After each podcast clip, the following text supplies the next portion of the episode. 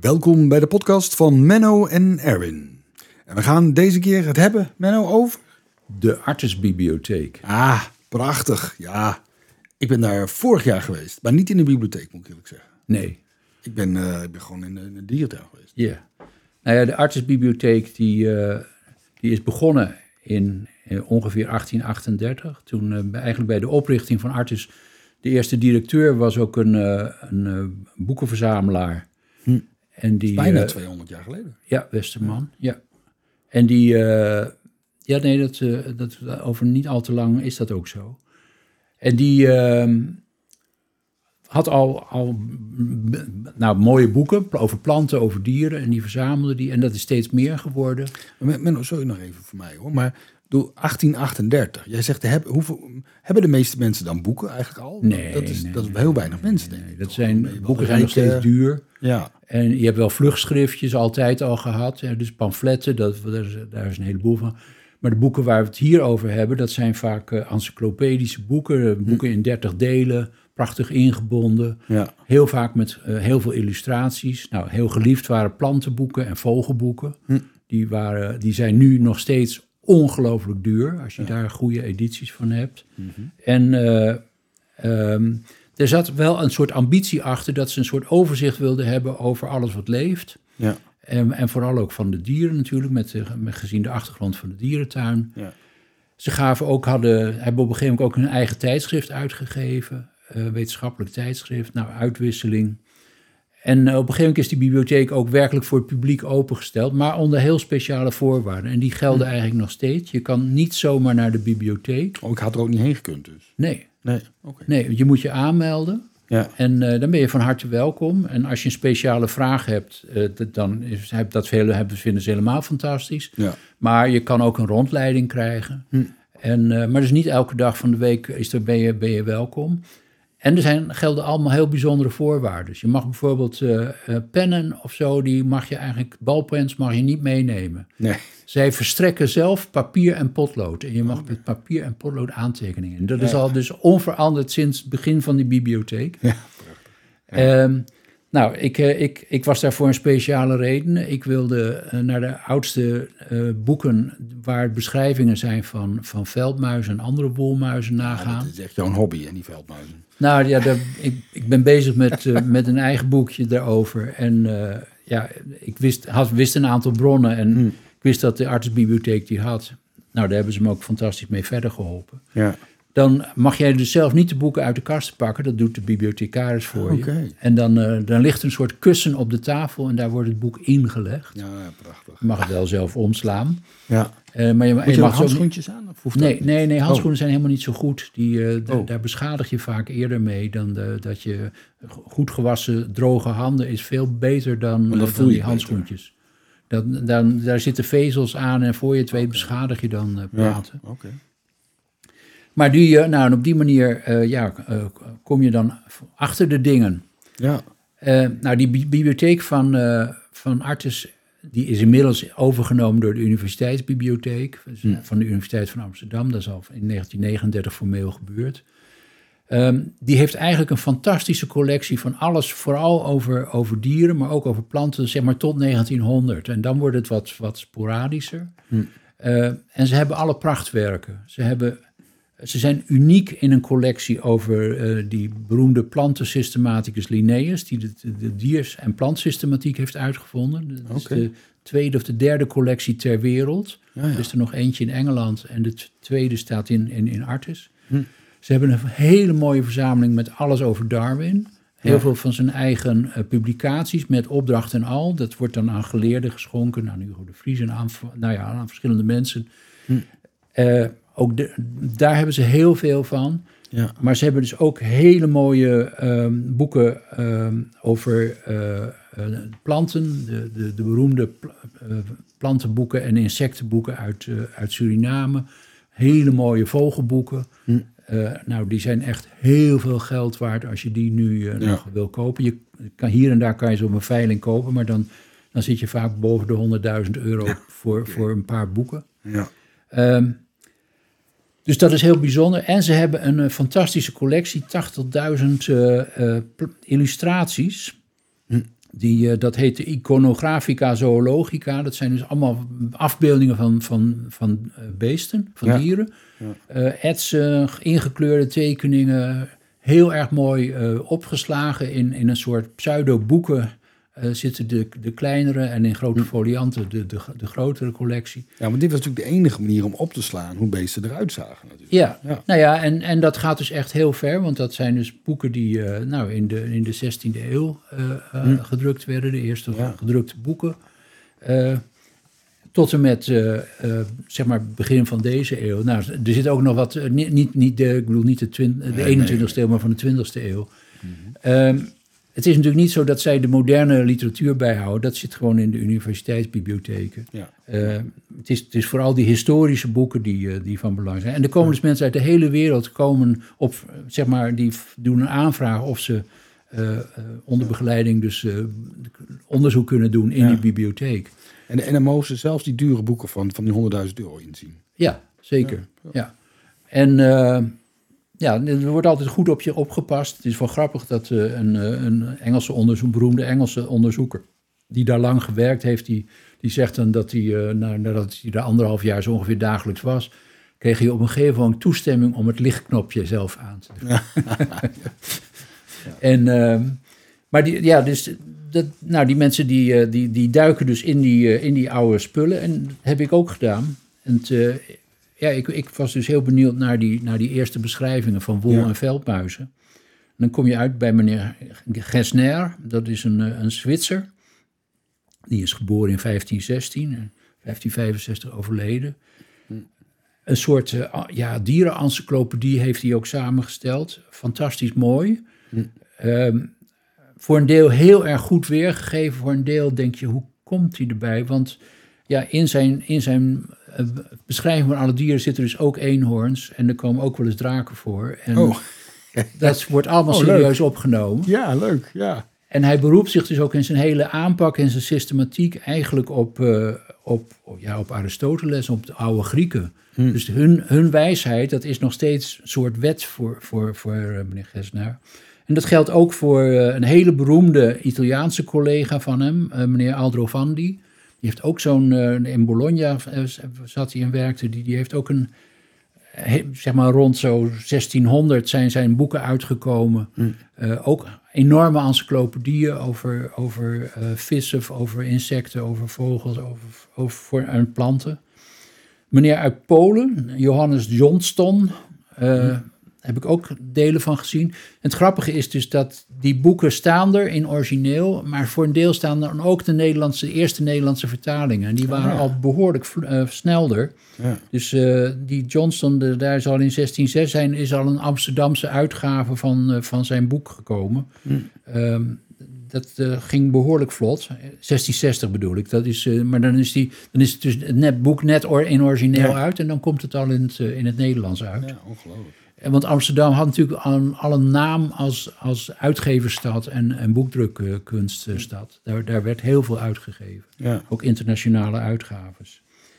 Nou, wat ik, eh, waar ik dus heel erg van onder de indruk was in die boeken, dat het dus duidelijk werd dat al die drie helden die daar, die, die nu ik noemde, Johnston, Gesner en Aldrovandi, ja, als ik dan precies ging kijken naar wat ze dan met die veldmuis en die wolmuis deden, dan zei ik, ja, dat halen ze toch wel hopeloos door elkaar. Dan Oh. het ene ogenblik denk je, ja, maar ze hebben het eigenlijk nu over een bosmuis. En het volgende, eh, dit, maar ze hebben, nu, nu zeggen ze iets, dat zou een spitsmuis kunnen zijn. Het, het is een zootje, eerlijk gezegd. Ja, maar, maar hadden ze al die duidelijke eh, Nou ja, verschillen? En het zijn encyclopedisten, dus die verzamelden informatie van anderen, maar ze waren maar matig kritisch. Ah, En, en dus ze namen dus die draken en die eenhoorns ook vrolijk op. ja.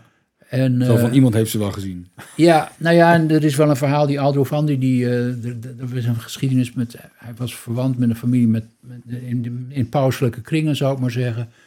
En eh, de draak was ook wel belangrijk als wapen voor adellijke families. En dan was er een, ineens een, een, een draak gevonden. Ja. En dat is waarschijnlijk gewoon een slang waar ze, waar ze, waar ze hagedispoten aangezet hebben. Ehm, wordt keurig afgebeeld, weinig, nou, er wordt geen kritisch commentaar op gegeven. Nou, wat ik toen heel grappig vond, want een van de mooiste dingen die ik vind in de artsenbibliotheek zijn, zijn de, de boeken van, eh, van de Buffon. En uh, ja, dat is een geweldenaar uit de 18e eeuw. Ja, Buffon, is dat Frans? Dat is een Fransman. Okay, En die is dus ook zo'n encyclopedist, maar hij is heel kritisch.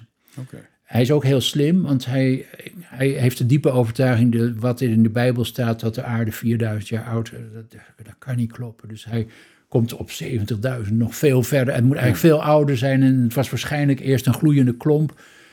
En als hij dat, hij heeft dan de eerste uitgaven die hij doet, zijn niet zo, die, daar, daar komt dat in uit. En dan wordt hij meteen door de kerk uh, aangepakt. Kan niet. En zegt hij, nou ja, dat zijn filosofische overwegingen. En wat, alles wat er in de Bijbel staat is natuurlijk helemaal waar. Ja. Maar ja, als filosoof heb ik wel eens wat overweging. Nou, op zo'n manier redt hij zich eruit. Ja. Maar eigenlijk is hij dus, in, in, als je goed leest, is hij al een evolutionair denkend iemand. Hm. Nou, en ik was helemaal, uh, ik was verrukt, want zijn beschrijvingen van, van de veldmuis, van allerlei verschillende woelmuissoorten, ja, die is echt perfect. Hm. Die is zo ongelooflijk accuraat en goed. Ja. Uh, ja, diep onder de indruk van, uh, van hoe, hoe die man op een kritische manier dus met die informatie omgegaan is. Ja.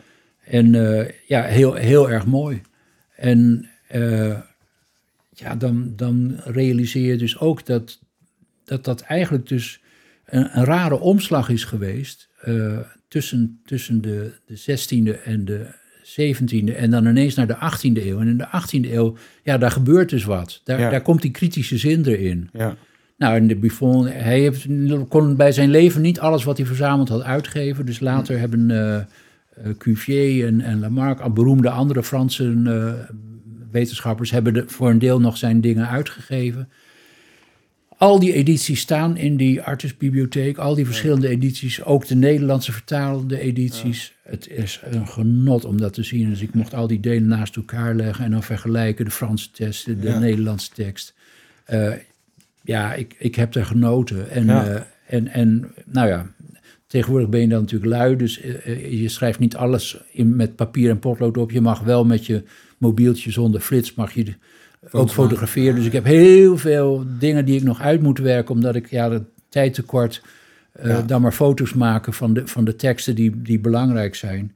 Ehm, maar eigenlijk ben ik al, zeg maar, was voor mij toch de eye-opener van in te zien dat, dat ineens er dan een verandering in de tijd is en die, en die kritische geest er, erover komt. Ja, en is dat dan gewoon, er kwam meer ervaring in dit soort werk? Of, of was, er een, een, een- was er in één keer een loop of zo? Of was er, Nou, was er iets waardoor... Het was eigenlijk het, eh, het besef dat je, dat je de, de, de oude bronnen, de, de, de, de, de, bronnen van, van, van Aristoteles, van Plinius, al die, die, die klassieke schrijvers, ja, dat je die toch wel heel kritisch moet bekijken. Ja, En dat wat zij schrijven, dat dat niet de absolute waarheid is. En, en er kwam zeg maar dat algemene wetenschappelijk besef dat je, ja, je, je kan zelf proefondervindelijk eh, kijken en zien. En je kan naar collecties gaan en je kan vergelijken. En je kan anatomie bestuderen.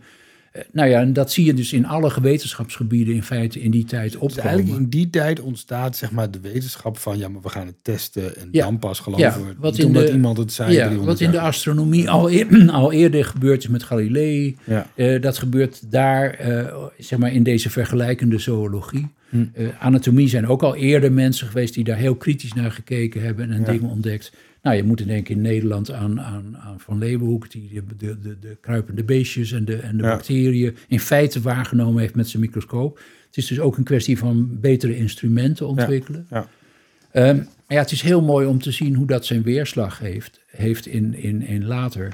Eh, nou ja, dan krijg je Nederland. eh, eh, ik, ik heb net eh, een bod gedaan op een boek van Schlegel uit eh, 1830, 1840 geloof ik. Oh, je had nog even 100.000 Nederlandse euro liggen, eh, Menno. Je had nog ergens 100.000 euro liggen, Menno. Nee, dat was niet zo duur. Die zijn gelukkig, er zijn edities van en dan zijn er wat vlekjes op de dingen. En dan Oh, is het voor een boekenliefhebber al minder waard.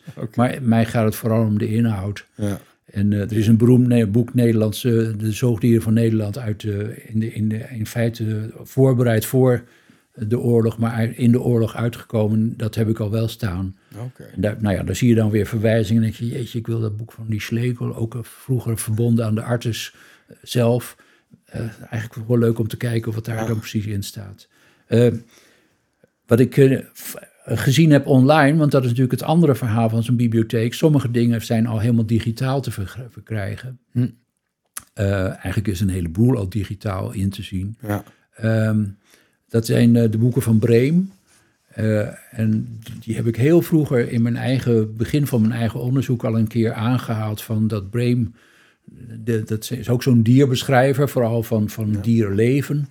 Eh, dat hij aan de ene kant eh, heel nauwkeurig kan omschrijven wat er gebeurt. Dat bijvoorbeeld zo'n zo'n wolmuis is dag en nacht actief, schrijft hij. Dat is heel accuraat, dat klopt Ja. echt precies. En dan vervolgens zegt hij dat, eh, dat de, die, de veldmuis in winterslaap gaat. Ja, en dat is weer helemaal de plank misgeslagen. Dat is een veel te klein diertje, die kan dat helemaal niet Nee. in winterslaap gaan. Eh, dat kunnen grotere hamsters en dat soort dieren kunnen dat misschien net, maar, maar een veldmuis kan dat echt niet. Waar heeft hij het vandaan gehaald? Is Ja. ergens iets opgevangen. Het deed mij een klein beetje denken als toen ik zelf in alle, voor het allereerst in de eerste klas van de middelbare school zat en ineens helemaal in paniek was. Ik moest toen een overzicht van het dierenrijk maken. Nou, kijk eens. Nou, De, dat moest jij doen al. ja, ja Oké. zeker. was het eerste klasopdrachtje. En, eh, en toen daar zat ik ineens, ja, vissen zijn eh, koudbloedig. En, maar je hebt ook koudbloedige paarden. En, helemaal in de war. Ja. En het heeft natuurlijk niks met die koudbloedigheid te maken dat je de omgevingstemperatuur aanneemt. Maar dat is gewoon bepaalde rassen die wat, wat, Ja. wat forser in de landbouw bezig zijn. Ja, die noemen we om een domme reden koudbloedig. Dat slaat natuurlijk nergens op. Dus de leraar gaf daar meteen een, een dikke streep doorheen. En helemaal mis. En gelukkig was aan het eind van het proefwerk. eh, moest je ook nog een proefje, een, een verslag doen van een bonenkweekproefje. Dus toen, nou, daarmee kon ik het weer ophalen Ja. ja. Je ziet hoe, hoe makkelijk je dus ja, je twijfelen kan. En, en als je die twijfels dan niet, niet weergeeft, maar gewoon kritiekloos opschrijft, dan gaat het mis. Ja. Ja, dat was voor mij wel weer een mooie les. Behalve dan eh, genieten van, eh, van, van die prachtig uitgegeven boeken. Ja. En ja, wat is er ook mooier dan een hele mooie, heel nauwkeurige tekening van een eenhoorn te zien. Of een, of een draak met, eh, met, met zeven koppen. Ja. Ja, is er iets mooiers? Ja, nee, zeker niet, Menno. Nou, en ik vind het ook gewoon mooi dat we dat gewoon in Amsterdam hebben. In- Ja, in- zeker. in het, en eh, nou ja, het is dus eh, het is absoluut wel de moeite waard als je je, je, ja, je, je moet je er een beetje op voorbereiden. En, eh, maar je zou dus met een aantal mensen zeg maar kunnen aanvragen om zo'n rondleiding te krijgen. Ja, Ze zijn ja. graag bereid dat te geven. Ja. En ze zijn ook prachtige reisboeken bijvoorbeeld. We hebben het over Humboldt gehad in een, Ja. van de eerdere afleveringen. Alle, al die boeken, reisboeken van Humboldt staan er ook. Ja. En reisboeken van heel veel meer mensen. Ja. Eh, ja, er is genoeg te zien. Fantastisch. Nou jongens, dit is het einde van onze podcast. Ja, like ons even in je favoriete podcastspeler. We zijn te vinden op Spotify, op Apple Podcast, op Google en op de meeste andere podcastspelers. Like ons even en geef ons even een review. Liever een 5 of hoger. Dank u wel.